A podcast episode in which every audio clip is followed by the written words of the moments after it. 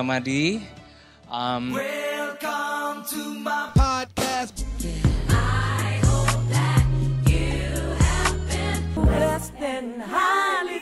hello, welcome to podcast series So You Think You Can Preach bersama Pastor Christopher Tapi Heru di sini. Woi, woi, woi, woi, woi. Halo, halo, halo. Wah, yes man. Ya, kita bakal ngobrol soal preaching. So, gua assume teman-teman yang ngedengerin adalah preachers atau orang yang bawain firman, sharing firman baik personally one on one ataupun juga massal di kelompok kecil, komsel, KTB, kampus, gereja, anything. Oke? Yes. Teman-teman tentu udah kenal Pastor Christopher Tapiheru. Dia Tahu kayaknya mungkin belum kenal. Oh bener juga ya, ada perbedaan ya. Ginosko dan apa tuh? Berat coy. Kok jadi ribet ya dari depan? Oke. Nah, dan Pastor Kristo itu jam terbang preachingnya luar biasa tinggi. Dan gue yakin sebelum dia banyak preaching, dia juga banyak mendengarkan sermons. Of Right. course. So sekarang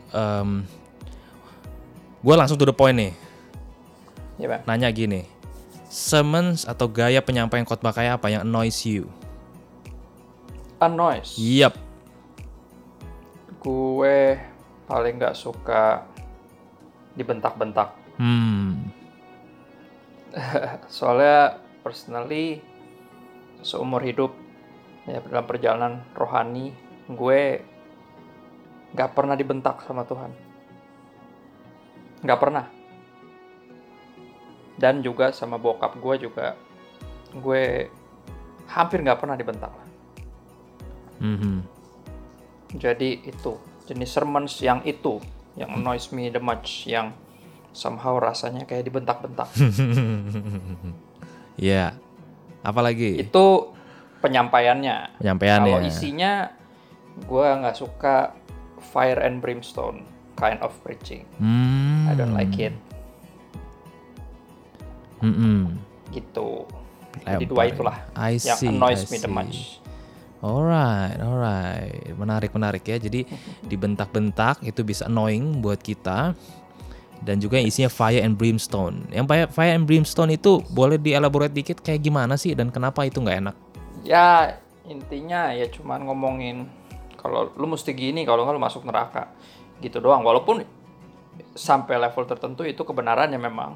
Cuman ya buat gue itu nggak appealing aja. I see. Kayak ya because the gospel is very appealing right? It's good news. Mm-mm. Emang sebelum menyadari mensyukuri good news emang harus tahu bad newsnya cuman nggak mesti jadi penekanan bad newsnya. Mm-mm. Penekanannya mesti di good newsnya.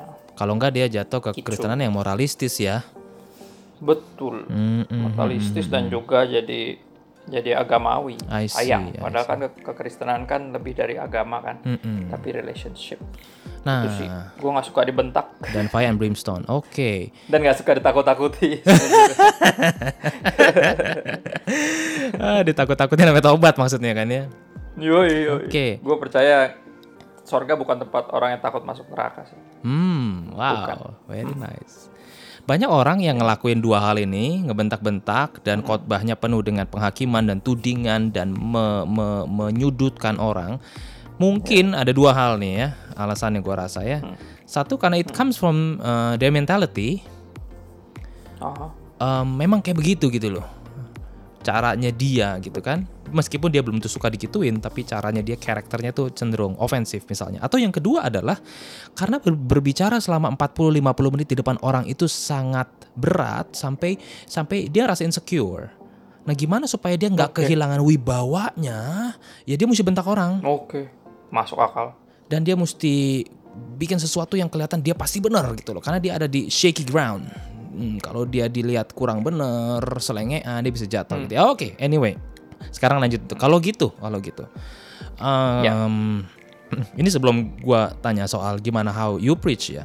Kalau gitu gi- Nah. khotbah yang kayak apa yang memi- eh, strength points apa aja yang ada di khotbah yang baik menurut lu?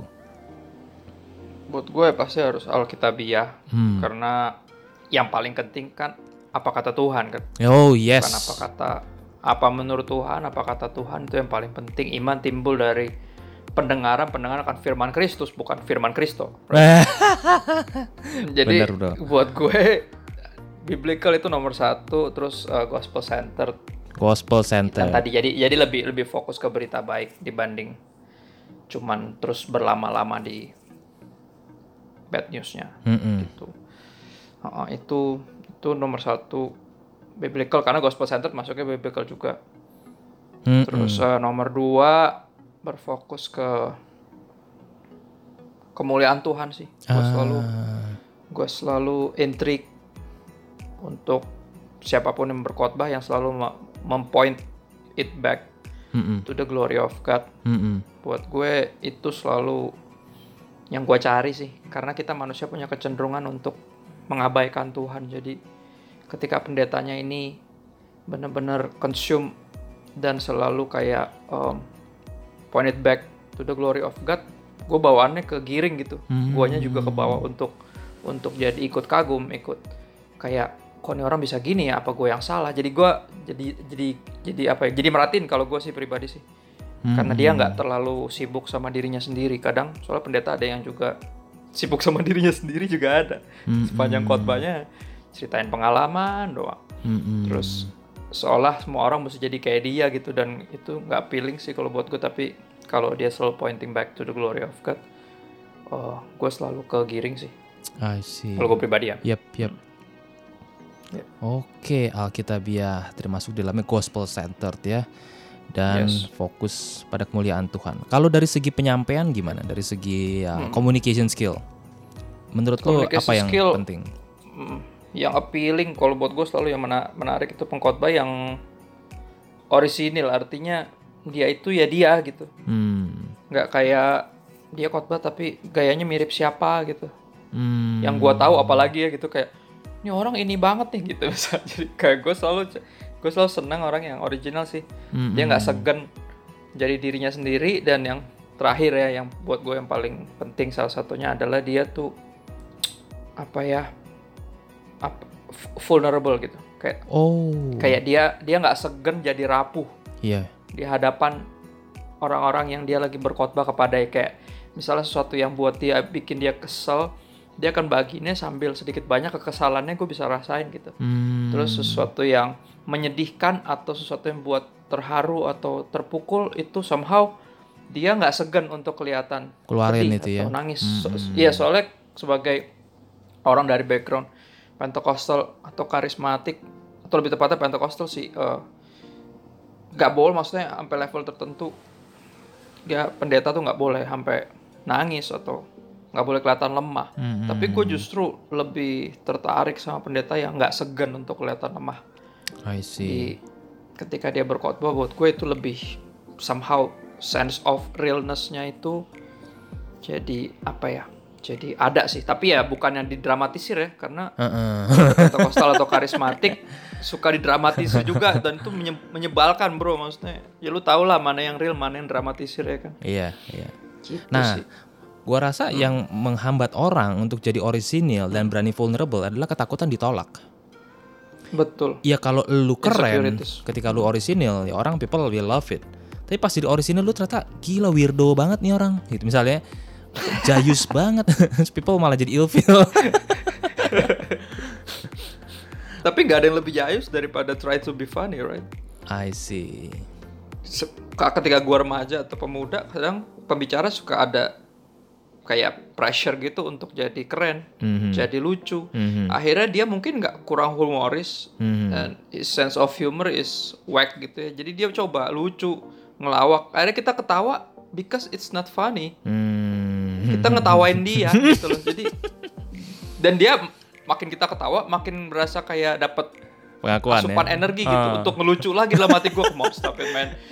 We, we laugh because you you're not funny at all. Ah. stop it. Tapi jadi ketawa-ketawa terus. Akhirnya ya itu khotbahnya udah gak tahu ke mana. I karena dia see. sibuk untuk menyenangkan crowdnya gitu. I ya itu yang kadang itu yang gue pelajari. Jadi pas gue jadi pendengar Hmm. gue tahu salah satu yang annoying adalah ketika lu sebenarnya nggak lucu tapi lu coba jadi lucu. Karena nggak ada poinnya gitu maksudnya. Lu mau jadi jadi badut it's not about being cool or lebih jauh lagi being a clown Hmm. right it's, it's all about to be clear like ya kan Yes. um, MacArthur yang ngomong itu gue inget banget tuh ini Hmm. bukan tentang jadi keren apalagi jadi lucu tapi tentang jelas buat apa cool kalau nggak clear Hmm, nice, nice. jadi itu itu penting banget sih Oke. Nah, sekarang em, Gimana? kita pengen denger tentang diri lu, Pastor Kristo. Maksud gue gini, oke lu di invite orang banyak sekali dan people love hearing your sermons.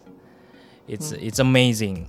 Nah, puji Tuhan hari ini boleh nggak share ke pernah kita? nyangka juga sih Iya.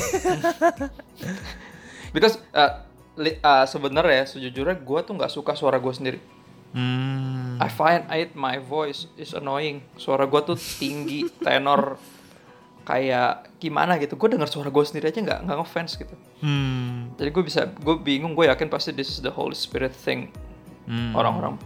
Jadi kayak betah denger suara gue. Gue aja nggak betah denger suara gue sendiri. Hmm.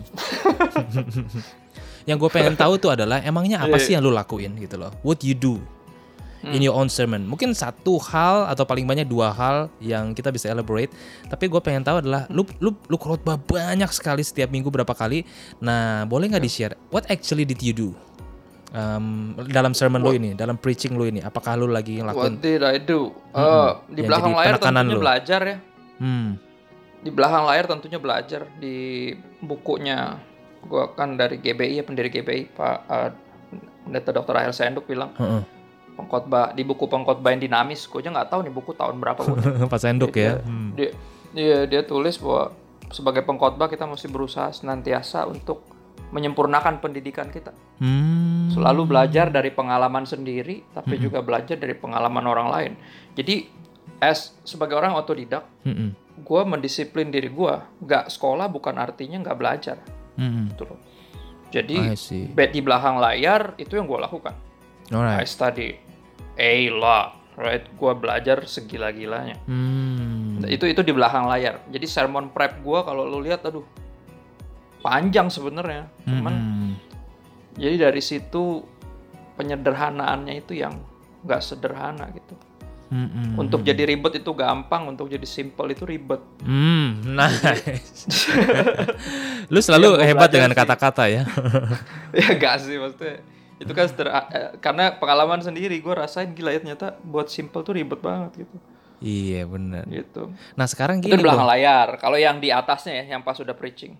Ya. Yang udah preaching, ya tadi I I keep pointing back to the uh, as much back to the gospel, terus bawa orang kepada supremacy of God, kepada kedaulatan kemuliaan Tuhan. Itu kan biblical ya. Tadi balik lagi pendekatannya pasti biblical. Gua sejujurnya suka khotbah tuh yang expository. Gua pribadi. Hmm, hmm, hmm, hmm. Gue demennya tuh ayat per ayat. Gue suka begitu karena dalam dalam membagikan ayat per ayat pun most of the times di mimbar aja gue belajar sesuatu. Hmm, Ketika gue lagi bagiin itu and dan itu itu apa ya? Itu kayak memberi makan jiwa gue sih. Jadi itu yang bikin orang kan suka nanya maksudnya lu bisa khotbah empat kali, kadang materinya sama. Kok yang bikin lu terus berapi-api itu apa? hmm, Karena gue percaya bahkan ketika gue lagi bener-bener um, membagikan firman Tuhan, He speaks not just through me, but He still speaking to me bahkan sampai di momen itu juga. Itu yang bikin gue excited hmm, hmm.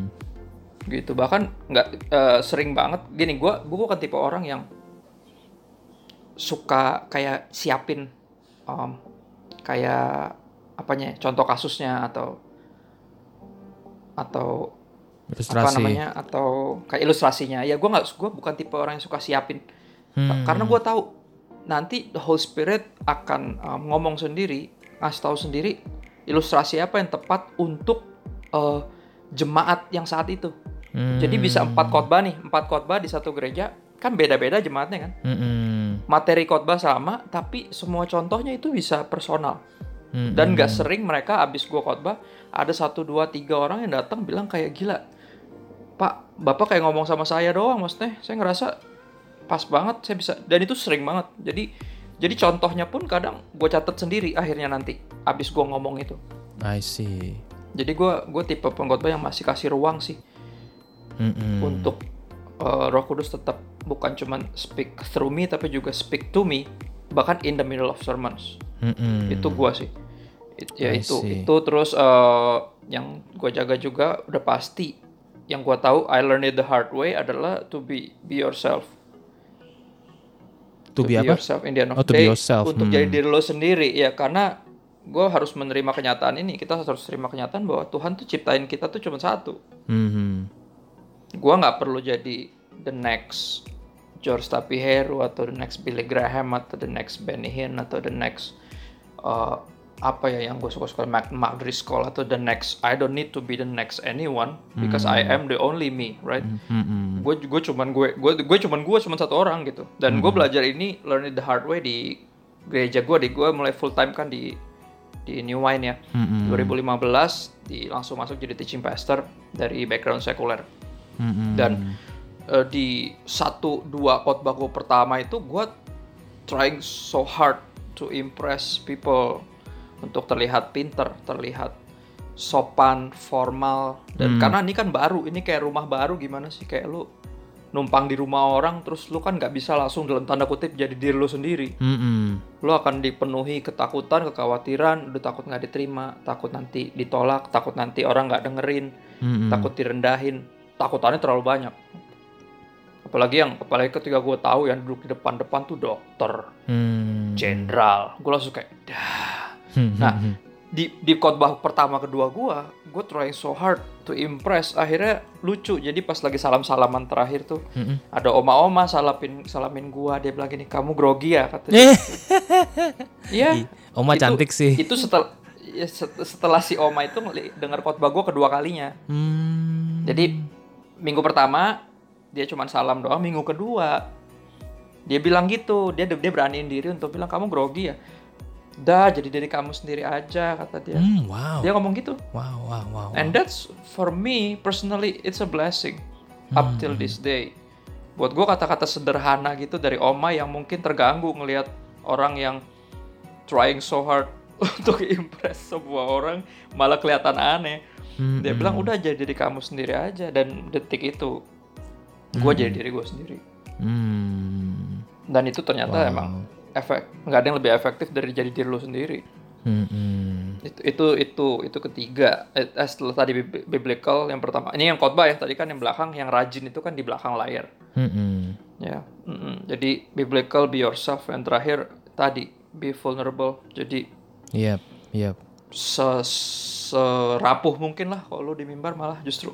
I ya kan? see. yang, yang selama ini gue lihat lu mesti terlihat hebat terlihat pinter terlihat kuat terlihat beriman terlihat apa itu justru kebalikannya ternyata buat generasi ini Buat generasi khususnya. ini. ternyata Mm-mm. lebih lebih appealing ternyata.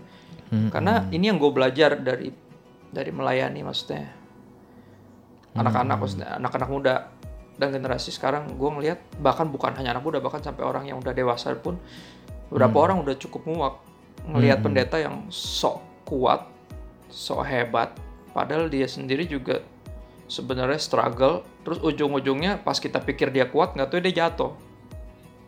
Hmm, hmm. ngerti nggak maksudnya? Abis itu udah tuh mereka udah cukup enak sama yang begituan. Jadi Iya. ketika lu jadi vulnerable somehow mereka justru ngeliat kayak wah ini aneh nih orang nih gitu jadi bahkan ketika gue belajar maksudnya ketika gue lagi ngajar tentang bagian tertentu dari Alkitab gitu atau doktrin tertentu gitu yang gue juga masih try to um, uh, belajar dan belajar percaya Heeh. gue kasih tahu orang-orang Hmm, hmm. gue juga lagi belajar percaya nggak mudah buat saya jadi kata-kata itu tuh penting Hmm, hmm. Saudara jangan pikir ini mudah buat saya. Ini juga nggak gampang dan ceritain kenapa nggak gampang ya. Dan buat mer- somehow it works, it works. Hmm, hmm. Ya, Relate sama Untuk mereka. try to, ya relate dan ini ini yang cukup sulit sebenarnya karena gini semua kita umumnya kecenderungan pembicara pengkhotbah itu selalu mau coba belain Tuhan dalam tanda kutip pakai firman gitu. Ya. Hmm. Somehow itu kecenderungan yang buat gua problematik. Hmm, hmm. makanya sampai em, gini gue gue penggemar C.S. Lewis Hmm, hmm. Dan penggemar Tim Keller juga Hmm, hmm. Keller itu heavily influenced by Lewis right Hmm, dan hmm. Keller di bukunya Preaching ada satu bagian yang judulnya membela singa Hmm. Iya, di bukunya preaching. Dan gue juga nggak tahu. Jadi gue kasih anak gue tuh lahir tahun 2013. Gue kasih nama tuh Davar Lionel Hmm. dari dari Louis. Yang gini, Oh. Davar Lionel tuh gini. Davar tuh artinya the word, firman. Lionel artinya seperti singa. Hmm. Jadi Louis bilang berusaha ngebelain Tuhan tuh sebodoh berusaha membela singa. Singa nggak perlu dibelain. Dia singa. Hmm. Nggak usah. Cukup buka kandangnya dan biarin singanya keluar membela dirinya Wow. sendiri. Jadi seolah Louis bilang gini, lu tolong co- berhenti coba bela Tuhan pakai firmannya. Lu buka Alkitab dan biarin fit Tuhan Hmm. yang membela dirinya sendiri. Hmm. Seperti singa itu. Dan akhirnya gue kasih nama anak gue Davar Lionel, firman Tuhan seperti singa. Hmm. Dan itu gue temukan di dalam tadi ketika kita be vulnerable. Ketika apa pun yang sulit, apa pun yang berat, apa pun yang tidak mudah, kita kasih tahu ke jemaat. Hmm. Itu kita dalam eh, seperti lagi sedang berus lagi berhenti berusaha membela tuh singa gitu. Iya, kita ngebukain Dan kandangnya biarin- sebesar besarnya ya. Ya, ya, ya, ya. Dan dan biarin bahkan kita sendiri diserang oleh singa itu dalam tanda kutip itu Ya. ya, somehow. Ya, jadi itu yang kalau bahasa yang gue belajar adalah gini orang bukan kita bukan baca Alkitab tapi biarin Alkitab ngebaca kita. Hmm. Kayak somehow kayak gitu dan dan itu yang yang baca kita. ya dia yang nggak mungkin mungkin ya mungkin ya I found it sering banget orang selalu bilang kayak gue senangnya lu tuh nggak segan gitu loh kalau lu lu kasih tahu bahwa lu juga struggle dan dan itu relate itu yang yang be vulnerable itu salah satu yang mungkin ya jadi nilai plus lah yang yang bikin gue diundang sana sini selain juga karena gini berapa orang bilang jadi gini uh, orang kalau gini gue mengkhotbah keliling ya Hmm. mengkhotbah keliling terus selalu ditanya kamu bergereja di mana Hmm. karena beberapa penginjil keliling nggak punya rumah Hmm. saking dia terus keliling. Nah, kenapa mereka nanya? Karena mereka mendapati sering kali penginjil keliling itu firmannya benar, cuman mereka nggak punya suara pastoral. Hmm. Jadi suaranya bentuknya tuh kayak suara pendekar gitu, yang Hmm. kasarnya ngasih tahu apa yang salah, terus udah habis itu ditinggal gitu, Iya. kayak nonjok, bonyok terus lu tinggalin gitu. Hmm. Dan akhirnya gembala yang sibuk membebat luka-lukanya. Iya sih, itu bener sih. Tapi jelasin lagi gitu. Jadi nggak benar-benar mendarat ya. kalau ya kalau penginjil yang yang nggak punya rumah, tone tone-nya tuh beda gitu. Nah, gua karena tahu itu kecenderungan itu ada di setiap pengkhotbah keliling, gua dengan sengaja dari dulu karena gue menyadari juga keterbatasan gue sih, gue itu harus dibawa otoritas. Hmm. karena gue gua gua tuh submit submission itu gua gue percaya dipelajarinya tuh di dunia Hmm. jadi orang yang nggak biasa submit di dunia nggak berhasil submit di dunia kalaupun masuk sorga ah, bakal petatang petenteng Dan gue yakin nggak ada yang petantang petenteng di sorga bro. Hmm. ditempeleng malaikat loh di petantang petenteng. Nggak ada. Pasti orang tuh dalam penuh hormat penuh penundukan penuh kekaguman di sorga tuh dipenuhi orang-orang yang nggak mungkin petantang petenteng gitu. Dan gue karena tahu kecenderungan gue gue selalu mengupayakan diri gue tuh mau di bawah penggembalaan di bawah mentoring di bawah pembapaan. Dan ternyata karena kesadaran gue akan kelemahan gue itu dan keputusan untuk melakukan hal itu menghasilkan penginjil Hmm. oke pengkhotbah keliling Mm-mm. yang punya suara pastoral Hmm. jadi mereka find it unique orang yang ngundang gue tuh I find it see. unique karena dia pikir bakal wah nih postingannya satir nih kayaknya bocahnya satir nih ntar lagi kita Heeh. di dibully-bully dari mimbar nih kayaknya Ah. iya tapi ternyata pas gue datang enggak ternyata. Hmm. ya gue bisa men- menyindir emang benar satir dengan cara yang lucu cara yang cerdas. Mereka bisa kayak tersinggung tapi sambil ketawa. Hmm. tapi abis itu pasti nangis bareng gitu loh in repentance. Jadi they find it apa ya itu unik dan dan selalu jadi berkat gitu. Hmm. gimana caranya lu ditegur lu tersinggung tapi lu juga ketawa tapi lu ngetawain diri lu sendiri ngerti nggak maksudnya? Tapi nanti sama pendetanya juga di lead untuk bareng-bareng bertobat gitu sama bareng-bareng. Hmm. dan itu somehow itu yang yang gue tahu yang gue dapat feedback ya. Hmm. gue akan ber- denger dari banyak orang itu selalu menarik. Jadi kadang gue sering kali diundang pertama kali di youth-nya dulu tapi gembalanya ikut. Dan habis itu next time-nya diundang buat umum dan juga youth. Makanya kalau gue keliling tuh kan selalu hampir selalu tuh semuanya. Jadi semua kategori tuh pasti gue pelayanan gitu. Mm-mm. sekalian paket ya. Jadi sampai umum. Ya karena kan undangnya juga udah jauh. Dan gue pikir itu juga lebih hemat juga buat mereka. Dan Iya. tapi kan gak semua pembicara bisa juga khotbah di youth. Atau Bener. bisanya cuma spesialis di youth. Pas di khotbah di umum juga pendekatannya nggak nggak ini. Cuman karena gue em, juga banyak belajar dulu secara otodidak khotbahnya justru sharing di rumah gitu. Kayak em, mesbah keluarga atau em, acara Natal keluarga besar jadi gue itu kebentuk kayak biasa khotbah di hadapan dari anak kecil sampai oma-oma gitu Hmm. jadi itu Iya. yang somehow Tuhan berkarya lah lewat keadaan seperti itu untuk membentuk gue jadi ya pengkhotbah yang sekarang lah. Kalau gue sebut pengkhotbah agak kurang, gue kurang suka sih kata-kata itu sebenarnya. Bokap gue pernah kasih tau, dia bilang, kak kamu tuh jangan jangan kalau nanti jadi pendeta maksudnya jangan jadi pengkhotbah doang, kamu harus jadi pemberita firman. Karena kalau Hmm. khotbah tuh pengkhotbah tuh bisa khotbahin apa aja, Mm-mm. papa bilang. Hmm, hmm. Tapi pemberita firman tuh nggak bisa kalau nggak beritain firman. Hmm. Jadi I see. gue pegang kata-kata bokap sih. Oke. Gue Nah, lebih senang disebut sebagai gue coba ambil waktu sebentar buat kita review sedikit ya. Kita udah Ya. bahas banyak hal, poin dengan cepat dan teman-teman semua, pastors, preachers yang sedang dengerin podcast ini, tentu tahu tujuan dari podcast series So You Think You Can Preach adalah kita sama-sama saling sharing di mana kita dapat panggilan yang sama, beritain firman Tuhan dan hari ini Pastor Kristo bahas soal apa yang annoying buat generasi kita hari ini adalah kalau kita misalnya secara nggak sadar berkhotbah itu cenderung nadanya tinggi, bentak-bentak terus, menggurui, bentak-bentak, nyudutin, dan juga penuh dengan fire and brimstone, penghakiman, kemarahan, amarah Allah, neraka, hanya untuk membawa orang disudutkan untuk ambil satu sisi. fearmonger mah sampai level tertentu. Iya. Sehingga yang ditawarin itu justru apa yang mereka tidak mau, bukan apa yang mereka cintai gitu kan. Dan apa yang sebetulnya strength points yang perlu kita miliki sebagai pengkhotbah adalah yang tadi sebenarnya bukan pengkhotbah ya, tapi pemberita firman, yaitu kita harus firman, alkitabiah. Apa kata Tuhan gitu. Dan alkitabiah di dalamnya termasuk bukan termasuk yang utama adalah berpusat pada Injil. Sebab kejadian sampai Wahyu itu kan dianyam oleh garis merah gospel dalam Yesus Kristus. Itu yang mesti jadi tulang punggung khotbah kita. Meskipun kadang kita rasa ini kurang populer, kurang menyenangkan telinga. Nah, tapi memang yang kedua kan disampaikan Pastor Kristo yang jadi strength point memang fokusnya kepada kemuliaan Tuhan kok. Bukan kepada respon emosi yang fantastis, yang nangis, yang ketawa di depan kita, tapi sermon kita pun membawa kita dan pendengar muliain Tuhan. Dan yang ketiga, demeanornya, cara kita membawa dirinya dengan orisinil, Hmm. vulnerable.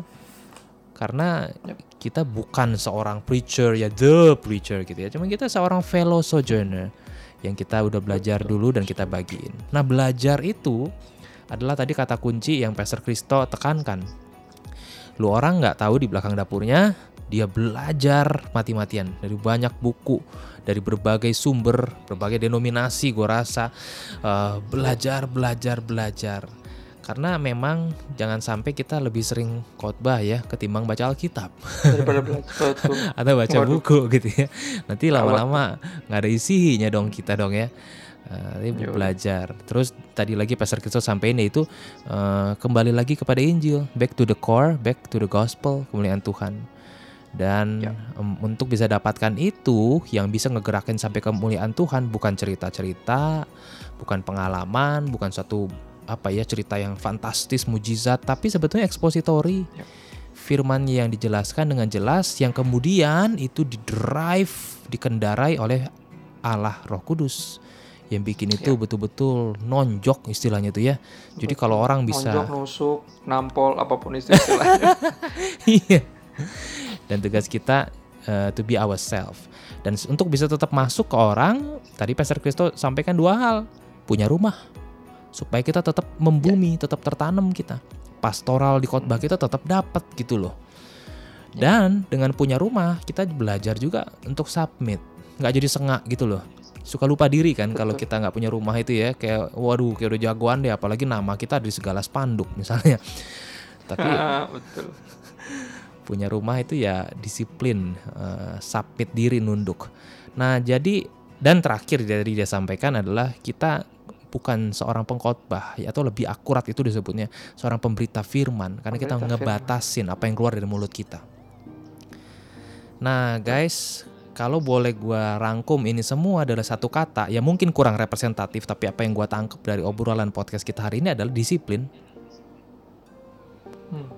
Ini bukan cuma soal seni yang luar biasa, oh apa namanya spontanitas yang tinggi dan selalu bikin meledak, tapi di baliknya itu ada disiplin yang sangat kuat.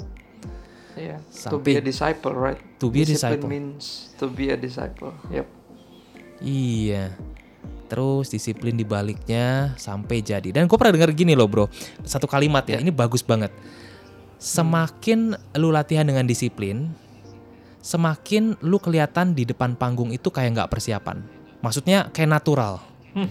Jadi lucu ya. Oke. Makin disiplin Ya, ya, terus ya. diulang, Unik diulang, ya. diulang, diulang, diulang, pas di panggung tuh natural banget gitu loh. Kayak Hillsong.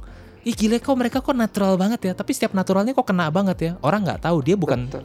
bukannya benar-benar natural, tapi dia disiplin setengah mati Exactly. sampai jadi That's right. natural. Oke dan teman-teman kalau mau lihat eh, mau belajar basic-basicnya nyampein firman dengan segala aspek yang eh, cukup luas, saya nulis sebuah buku yang saya mau promosikan, judulnya Hotter Yes. Than Gossip. Gimana bikin Salah satu buku yang menginspirasi gue juga to be myself. Wow, thank you, Yours, man. thank you so much bro. A blessing for me. Di Gramedia udah habis sekarang, tapi masih bisa didapetin Tokopedia, Bukalapak, Shopee atau online shop yang lainnya hotter dan gosip lebih hot daripada gosip. Gimana kita nyampein firman itu seseru itu gitu loh. Sampai orang tuh pengen terus dengerin dengerin. Jangan kalah dong. Masa firman yang penuh dengan hidup itu malah membosankan di tangan kita, misalnya kan ya. Betul.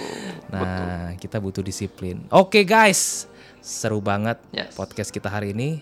Terus stay preaching, jangan berhenti merendahkan diri, mengagungkan Tuhan dan terus kabarin firman Tuhan. Dan gue rasa sampai sini ya, bro. Kita man. ngobrol-ngobrol hari ini. Thanks for having me. Yes, kita undur diri. Gue Denny Gamadi bersama. Christopher Tapiheru. Yes, we check out and God bless you. God bless you.